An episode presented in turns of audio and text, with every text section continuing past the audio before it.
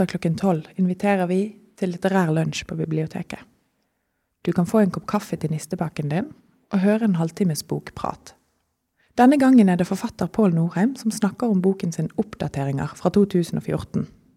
Boken er en samling Facebook-oppdateringer, bl.a. fra reisene hans i Nord-Afrika.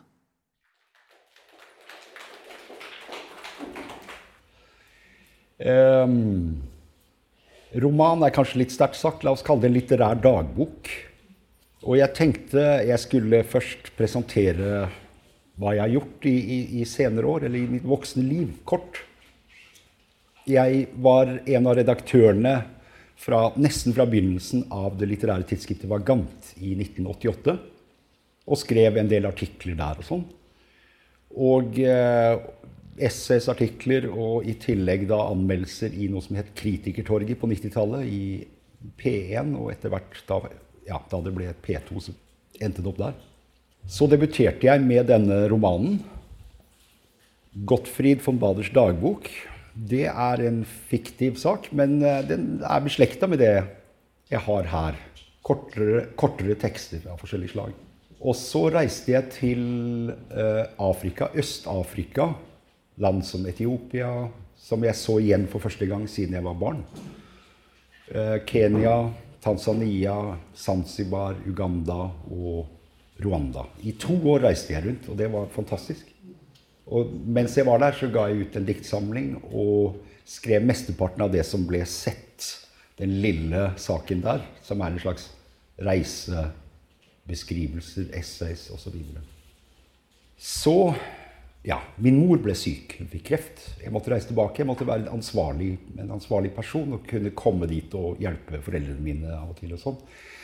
Og var også veldig lei av det å være frilanser, som hadde vært på hele 90-tallet. Så jeg fikk en fast jobb som nattevakt her på Åsane. Og jeg har jobbet siden. Og i ti år, da, fra ca. år 2001, så hadde jeg hva man kaller en skrivesperre. Og det er vanskelig å si hva den kom av.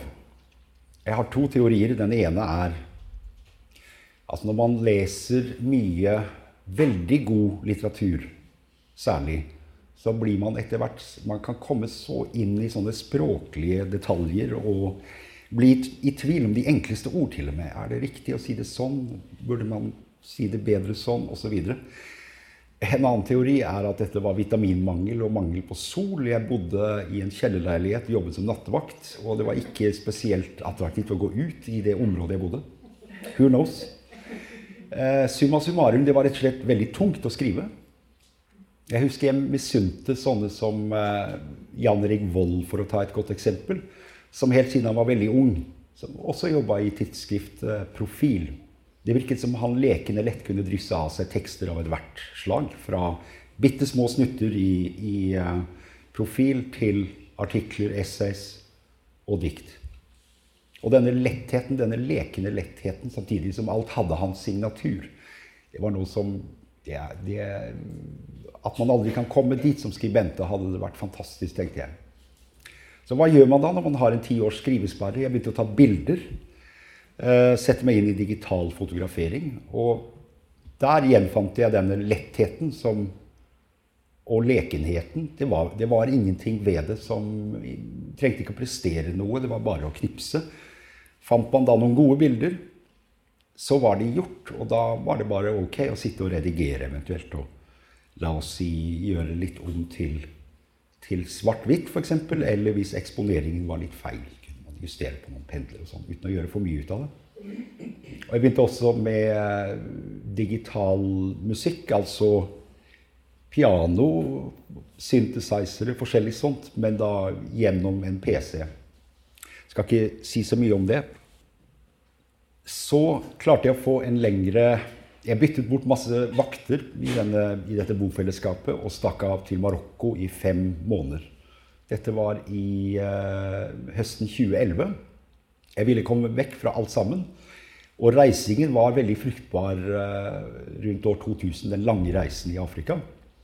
Uh, man ser noe nytt. Det trigger både sanseapparatet og tankene. Og skrivingen. Så jeg tenkte la meg prøve igjen. Og det lyktes jeg til dels med. altså Jeg fikk skrevet en del der og, og reiste rundt. Særlig i Marokko og på slutten i Egypt.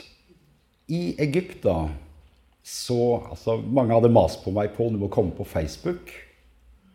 I, I, flere år så tenkte jeg ok, jeg får teste ut dette her. Så hadde jeg en tekst bare for å teste ut Facebook. Så ok, jeg poster denne og ser hva som skjer. Jeg tenkte jeg skulle lese den. Det, da, det ble da den første i denne boka, skrevet den 16. april 2012. Downtown Kairo. En kamel vil utvilsomt komme seg raskere til bestemmelsesstedet enn drosjene i rushtiden. Hvis det er et begrep som rushtid fremdeles gir mening i kvartaler hvor bare nattesøvn, helligdager og dramatiske politiske markeringer makter å tynne ut biltrafikken. Det var da masse demonstrasjoner på den tiden. by the way. Det var liksom under Arab Spring, eller i kjølvannet av det. Mye bråk. Her får massebilismen siden T-Fordens tid, forbundet med løfter om akselerasjon og økt individuell mobilitet, trafikantene til å klistre seg desto tettere sammen, lik seigtflytende strimer av riskorn mellom høybyggene. Kairo er bare én av mange metropoler som nå brer seg ukontrollerbart i Afrika, Asia og Latin-Amerika urbane arealer hvor moderniteten synes å munne ut i stillstand, skitt og armod. Fra byens gatenett, hvor privatbilene i kraft av sitt antall, ca. fem millioner, paradoksalt nok er blitt en uløselig del av kollektivtrafikken, og hvor førerne ofte ikke har annet å fordrive tiden med enn å skotte bort på sine medtrafikanter i nabobilene, stiger en permanent skingrende larm i den eksosfylte heten. Det er som om all energi, all vilje til bevegelse, oppdrift og selvutfoldelse er transformert til lyd, til støy, til en utålmodighetsmusikk som aldri opphører. Poenget er at denne teksten, som er da dobbelt så lang, den filte jeg på og jobba med i to-tre dager, tror jeg. sånn on and off. Og det er ikke typisk med de tekstene jeg senere har skrevet på Facebook. De er skrevet langt mer spontant. Så dette er på en måte pre-Facebook det det som, var bra for meg da med, med det sosiale mediet, var den manglende fallhøyden når man skriver der. Altså Hvis man skal skrive noe i Samtiden, eller til og med i en avis, så tenker jeg nesten man må liksom ha på seg slips før man setter seg ned og skriver. Eh, ikke alle er like, like skal vi si, beskjedne. Det er særlig en del gutter og menn kan bråke og skrive i vei og, og uten noe sjenanse. Men jeg har visse krav i hvert fall til hvordan ting burde være. Så, mens på Facebook må du nærmest hoppe oppover for å få noen slags fallhøyde. Det er et søppelmedium hvor man kan gjøre alt mulig. Alt og ingenting. Det begynte med Jeg, jeg tenkte da ikke å, å, gjøre litteratur der, jeg bare testa det ut. Jeg ble veldig fort engasjert i denne debatten rundt rettssaken rundt, eh, til Anders Behring Breivik. Det pågikk i, i månedene etterpå. Så jeg kasta meg med liv og lyst inn i debattene om han var tilregnelig eller ikke, og alle disse spørsmålene som ble diskutert da. Uh, og det, det, som var omtrent magisk med Facebook, dette ante jeg ikke da, det var at man fikk venner som ble altså Facebook-venner, såkalte venner, som var interessert i de samme spørsmålene. Det kunne være veldig kompetente folk. Jurister på veldig høyt nivå. Filosofer, journalister, alt, alt mulig. Slik at eh, diskusjonene på disse trådene etter en oppdatering kunne bli veldig, veldig interessante. Så det var i grunnen eh, det jeg holdt på med lenge. Så jeg tenkte jeg skulle si noen ord om Facebook som en slags forlengelse av offentligheten, eller av det offentlige ordskiftet. Som normalt kunne foregå på et sted som dette, hvis vi satt i en sofa i en paneldebatt f.eks. I aviser, i tidsskrifter, på TV. Med de sosiale mediene så har altså Det var en filosof, Helge Høybråten, som sa dette først. Han kjenner, han kjenner Facebook fra Tyskland, hvor han delvis bor, også fra USA. Og det er helt annerledes her i Norge. Han mener det har med at vi er bare fem millioner, så det er akkurat passe stort. Så veldig mange av de som diskuterer andre steder, de samles også der. Og det skaper en slags oversiktlighet, nesten, som kan sammenligne Jeg har vel en 1500 venner, eller noe sånt, såkalte venner. Men det er som en liten landsby, altså. Uh, og det, det, har skjedd noe der. Jeg prøvde å legge vekt på å ha venner fra både høyre- og venstresiden. Fra ytre venstre til ytre høyre, nesten. Det, det jeg unngår, det jeg ikke vil ha, det er kverulanter som aldri gir seg tide, og som bare bråker. Synspunktene er, viktige, er mindre viktige sånn når det gjelder eh, Er det en nazist, så, så vil jeg ikke ha ham der. Men, eh, men, jeg går ganske langt i begge retninger. Eh, jeg vil ikke snakke til en menighet for å bekrefte hva de, hva de allerede mener fra før. Jeg vil gjerne bli lest. Og noen ganger sier ting som venstresiden identifiserer seg med, andre ganger den såkalte høyresiden. Det blir litt uberegnelig, og dermed så blir man lest mer enn om man bare sa de samme forutsigbare tingene. Noen ganger tenker man på Facebook som et slags kafébord, hvor plutselig folk kommer strømmende til og diskuterer et par timer, og så ebber det ut. En annen måte jeg tenkte på, er som La oss forestille oss dette biblioteket bare enda veldig mye større hvor det er åpne, åpninger mellom alle, alle, rommene. Plutselig er det noen som setter seg ned ved et flygel og begynner å spille. Det er da en Facebook-oppdatering. Så kommer noen til med, og, og, plukker opp en gitar, en bass, trommer, og så jammer de i et par timer, f.eks. Det kan gå over et par døgn av og til. Men så hører de, så, så ebber det så hører de noe musikk der borte, så går de dit isteden. Det er en veldig merkelig, eh, merkelig ting, og det, man kan bli møkk lei av og til. Alle disse debattene om islam, innvandring, alle mulige ting. Som går og går. Men det kan også være veldig fascinerende.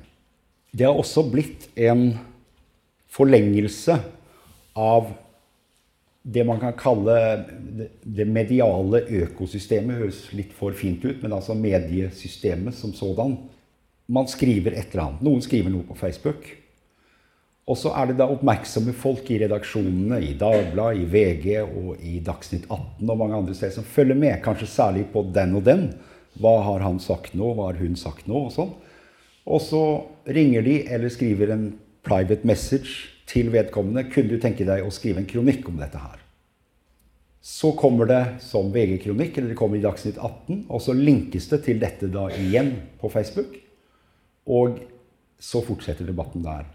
Og en del debatter har rast seg ferdig på to timer lenge før noen av de tradisjonelle mediene har fått ferten av det. Så det, det er en, en, en uh, akselerasjon i, i, når det gjelder Saker blir uttømt før de får tid, de trykte mediene særlig ofte. Samme gjelder jo med nyheter. ikke sant? Uh, man leser dagens avis, og så har man lest alt i går kveld på nettavisen. ikke sant? Sånne ting. Hans Petter Sjøli fortalte meg, han er debattredaktør i VG, at han var veldig tidlig ute, kanskje den eneste for en to-tre år siden, med å plukke opp sånne ting og spørre om de kunne skrive om dette i VG. Men etter hvert, sa han, så har omtrent alle redaksjoner begynt med det, og da er konkurransen mye hardere. Så det har skjedd noe her på de siste to-tre årene som er veldig interessant, også ut fra et sånt demokratiperspektiv, hvor langt flere kan delta. Og han er flink til å plukke opp folk som ikke har skrevet før, fordi han syns det er et eller annet interessant i en oppdatering, f.eks. Nok om det. Ja. Jeg skjønte fort at jeg kunne, uansett hva folk skrev der da jeg kom, jeg kunne skrive hva faen jeg ville her. Jeg skrev, jeg skrev la oss si, en side nokså ofte. Halv side, hel side. Søstera mi og en del andre sa 'Pål, dette er altfor langt'.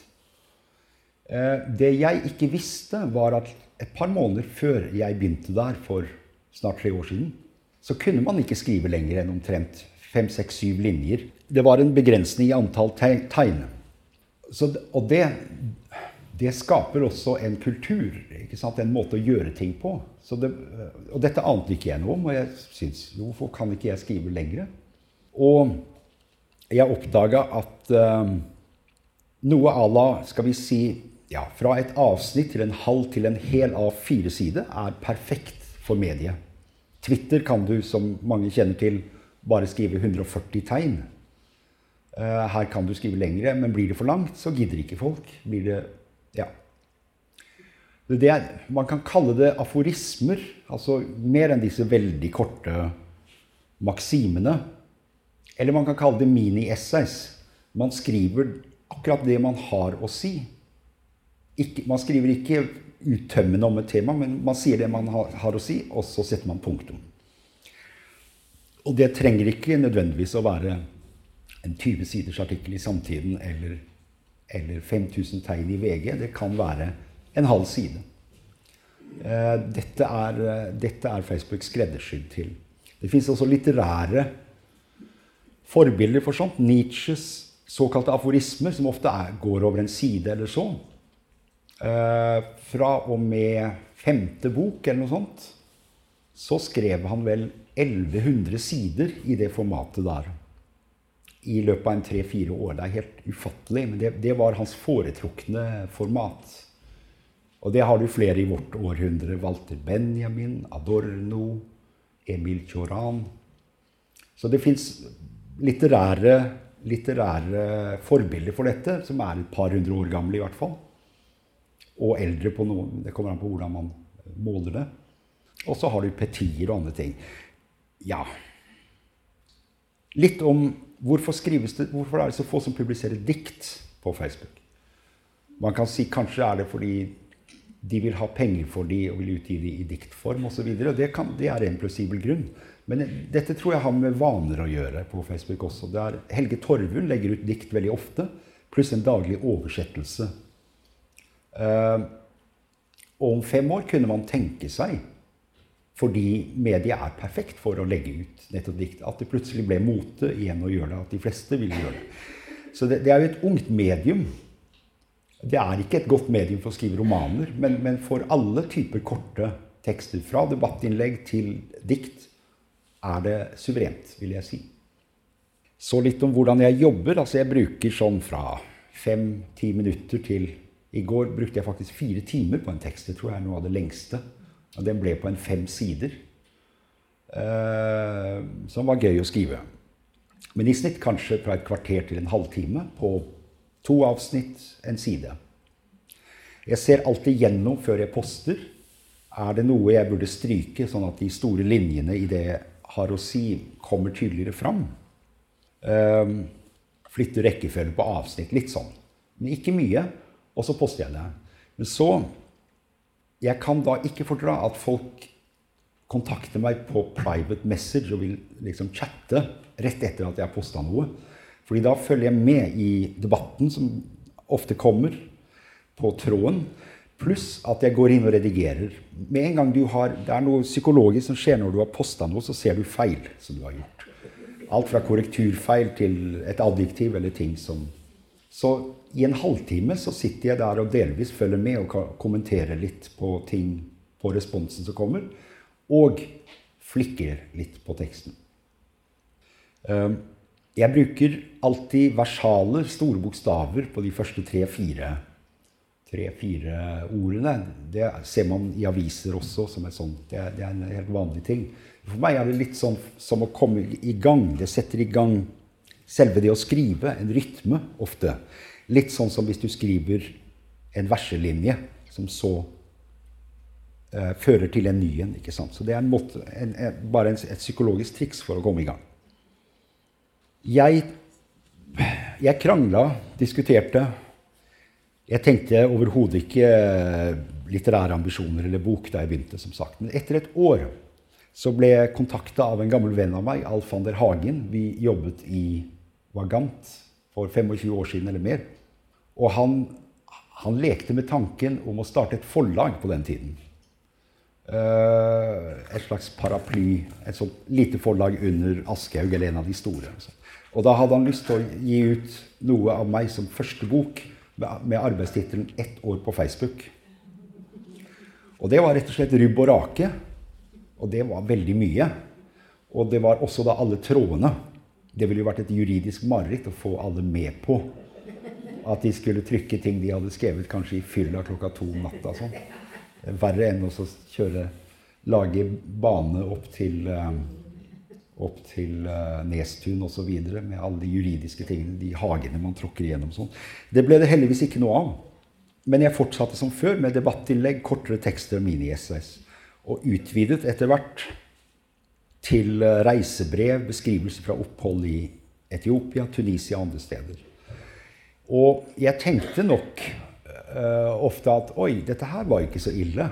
Denne teksten kan jeg sikkert bruke i en eller annen sammenheng senere. Det var det lengste, før Alf liksom, Da var uskyldens tid forbi. Jeg kunne ikke ha annet enn litt baktanker etter det. Det var Bjørn Ågernes, som er redaktør i Kolon, som også var en gammel venn av meg fra Vagant, som lurte meg over dit. Jeg, de tre første bøkene jeg skrev på Tiden. Først med en, uh, om jeg kunne bidra i en antologi. Og så da forslag om en ikke det konseptet til Alf, men en redigert bok hvor man luker ut mye.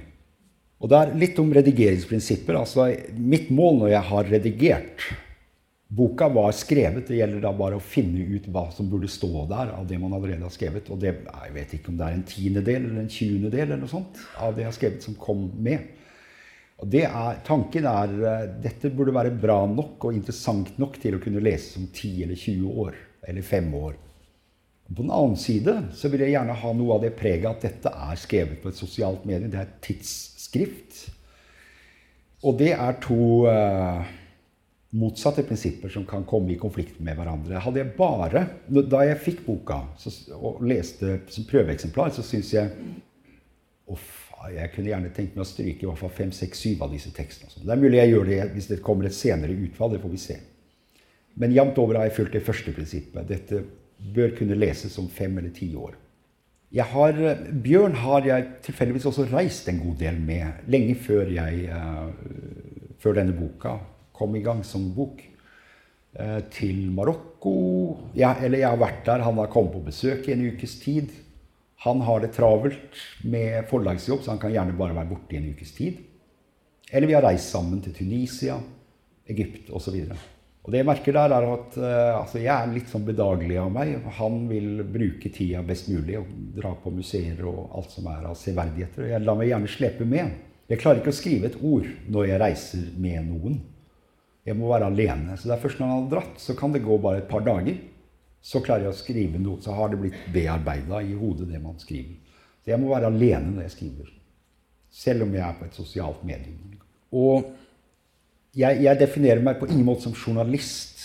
Altså Metoden min, hvis man kan kalle meg litterær metode, det er da Jeg liker gjerne å sette meg litt inn i historikk og landets uh, politiske forhold, geografi, all verdens sånt leser gjerne en del om det landet, og leser aviser derfra. Det gir en slags stedsfølelse også å se verden fra Er du i Sør-Afrika, noe jeg aldri har vært, men der er Australia nærmere enn Europa, og viktigere på et eller annet vis. Det gir en, sånn, eh, en følelse av å være et annet sted. Og det er viktig nå som også man har Internett. Man har følelsen av at man er i Norge nesten uansett hvor man er. Og så da tilfeldige hendelser som skjer. Altså Du forbereder deg på du setter du leser en del om ting. Du har visse forventninger, men så skjer det et eller annet smått eller stort. Og det er helt tilfeldig hva det måtte være. Og så da blikket for kan dette bli noe interessant. Så koble ting. Eh, et minne man har fra et eller annet tidligere, og så denne lille hendelsen der. Det til sammen kan det kan oppstå en, en tekst. Det er en helt annen måte å jobbe på enn det en journalist gjør, som bestemte, er ute etter noe bestemt bare kort si at uh, den første boka var som sagt Det ligner, det er en dagbok. Og alt jeg har skrevet, er i grunnen korte tekster. Og, så det er på en måte bare et skifte av medium. Og slik jeg ser det nå framover, så kunne jeg ikke tenke meg noe annet enn å fortsette slik jeg gjør nå. Oppdateringer 2, 3, 4, 5 osv. ad infinitum til kistelokket spikres i. Men det får vi se. Men sånn, sånn føles det nå etter tre år. Ja, Så leser jeg en siste tekst fra toget mellom eh, Casablanca og Tanger. Det er en nokså ny tekst fra november etter at denne boka kom ut.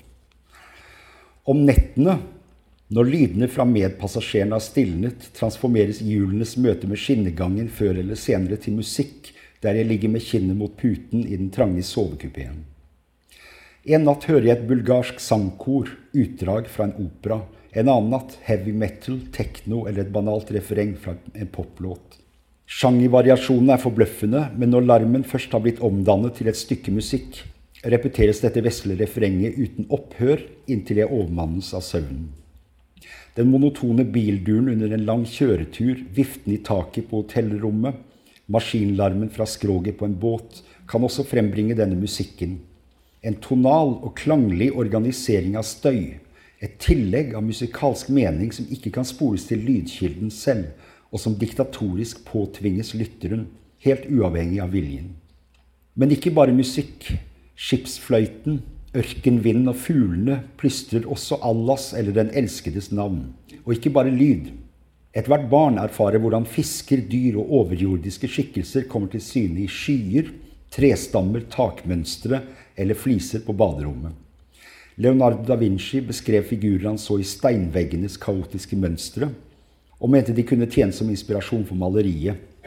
Fra tid til annen spres sensasjonelle fotografier hvor Marilyn Monroe Charles Manson eller Elvis åpenbarer seg i mønster på en sandwich, en kjeks eller en pannekake. Psykologene kaller fenomenet for pareidolia. Tanken var å ta nattoget fra Marrakech og åpne opp i Tanger, slik jeg hadde gjort tre år tidligere på vei til Sauta. Denne gangen skal jeg videre til Madrid. I siste øyeblikk ombestemmer jeg meg og bestiller en billett til morgentoget. En behagelig kveld i baren og en god natts søvn på hotellet frister mer rett etter bussreisen fra Essaouira. På Bar Grand Tassi, rett utenfor Jama Elfna, blir jeg sittende alene og tenke på folk jeg har møtt her i årenes løp. Turister og fastboende, prostituerte, ørkenguider iført tuareg-kostymer. Jeg minnes Robert, den gamle smykkehandleren, homse, han var svak til bens og bar alltid stokk. Robert elsket å fortelle. Han berettet om militærtjenesten på Madagaskar, den gang øya fremdeles var fransk koloni om revolten mot faren, korrespondansen og møtet med Paul Bowles i Tanger. Han skildret operaforestillinger i New York med Maria Callas og Birgit Nilsson, sangstemmenes og kjolenes prakt. Blant kundene hans i den eksklusive smykkeforretningen på Manhattan var også Jackie Onassis. Det forunderlige var at hun alltid henvendte seg til meg på engelsk, enda hun snakker perfekt fransk, sier han. Jeg minnes Roberts sølvbeslåtte stokk, ringen i øret, vokalene lød som konfektbiter i munnen hans. Paul, når jeg ser tilbake på mitt liv, et rikt liv, når jeg ser tilbake på alt sammen, så har øyeblikkene av skjønnhet i kunst, opera og bøker vært mye viktigere enn min familie, mitt sexliv eller penger. Jeg minnes Sam, fastboende marokkaner. Sent en søndag ettermiddag satt han og drakk Flagg Spesial, det lokale ølet, sammen med en eldre herre. Da denne forlot lokalet, røpet Sam at han var a born again Christian, men ba meg innstendig om ikke å fortelle det til noen. Sam var neppe hans egentlige navn. Han hadde bodd noen år i North Carolina, hvor han etter hvert knyttet kontakt med en baptistmenighet. Han kjente få kristne i Marrakech og skottet nervøst rundt seg mens han snakket. Sam var dykker. Da jeg spurte om han ble omvendt under amerikaoppholdet, ristet han på hodet. Jeg møtte Jesus rett utenfor Agadir. Det skjedde flere år før jeg dro til USA. Vi jobbet på en oljeplattform, og jeg og en dykkerkollega skulle gjøre noe vedlikeholdsarbeid på mange meters dyp. Der nede i vannet fikk jeg helt brått og uventet øye på Jesus. Jeg så ansiktet hans lyse opp fra dypet. Jeg sverger på at det er sant, like sant som at jeg sitter her og drikker øl med deg nå. Og jeg er glad jeg var sammen med en kollega, for jeg holdt på å svime av ved synet av Frelseren. Jeg kunne ha druknet der nede mellom sardinstimene. Men jeg kunne ikke fortelle ham hva jeg hadde sett. Jeg lot som jeg bare, bare hadde fått et illebefinnende. Ingen imaginær musikk stiger opp fra togskinnene neste formiddag. Til det er stemmene fra passasjerene for høylytte. I Casablanca må jeg bytte tog. Jeg havner i samme kupé som en ung mor med to sønner og en dresskledd franskmann. Vis-à-vis meg sitter en mann i 60-årene med øynene vendt mot landskapet utenfor vinduet. Etter en stund tar han opp en liten bok med koranvers og begynner å resitere, mens han holder den vesle boken rett fremfor fjeset, en serie stavelser i hurtig rekkefølge, halvt lest, halvt sunget, med samme monotone melodi. Jeg plukker fram notisboken og noterer melodiens gang. A, G, E, D, C, D, C. Som var jeg en folkeminnegransker fra før grammofonens dager. Tre-fire stavelser på hver tone, nedadgående i trappetrinn. Etter noen minutters resitasjon legger han boken på bordet og slår av en prat med de andre i kupeen. Så tar han den opp igjen for å resitere enda noen vers, og slik går timene mellom Casablanca og Tanger. Løs prat avveksles av andektig resitasjon. Like før vi går av toget, kommer jeg i snakk med franskmannen. Jeg vil vite når ferjene slutter å gå mellom Tanger og det spanske fastlandet.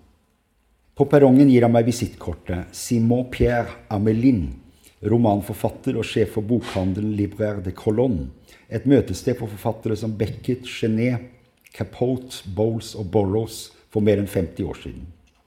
Det har blitt mørkt, og det er for sent å rekke en ferje over til Europa i kveld. I drosjen på vei til hotellet slår det meg at også denne dagsreisen rommet en slags togmusikk. Og kanskje er driften etter mønster og mening i larmen og kaoset, den driften som kommer til uttrykk når jeg hører musikk fra togskinnene, beslektet med driften som fikk den fromme muslimen fra togkupeen til å resitere koranvers. Hans drift i form av en viljesakt, min ufrivillig. Betraktet fra en tilstrekkelig stor avstand kan det tenkes at forskjellen mellom dem ville blitt visket ut.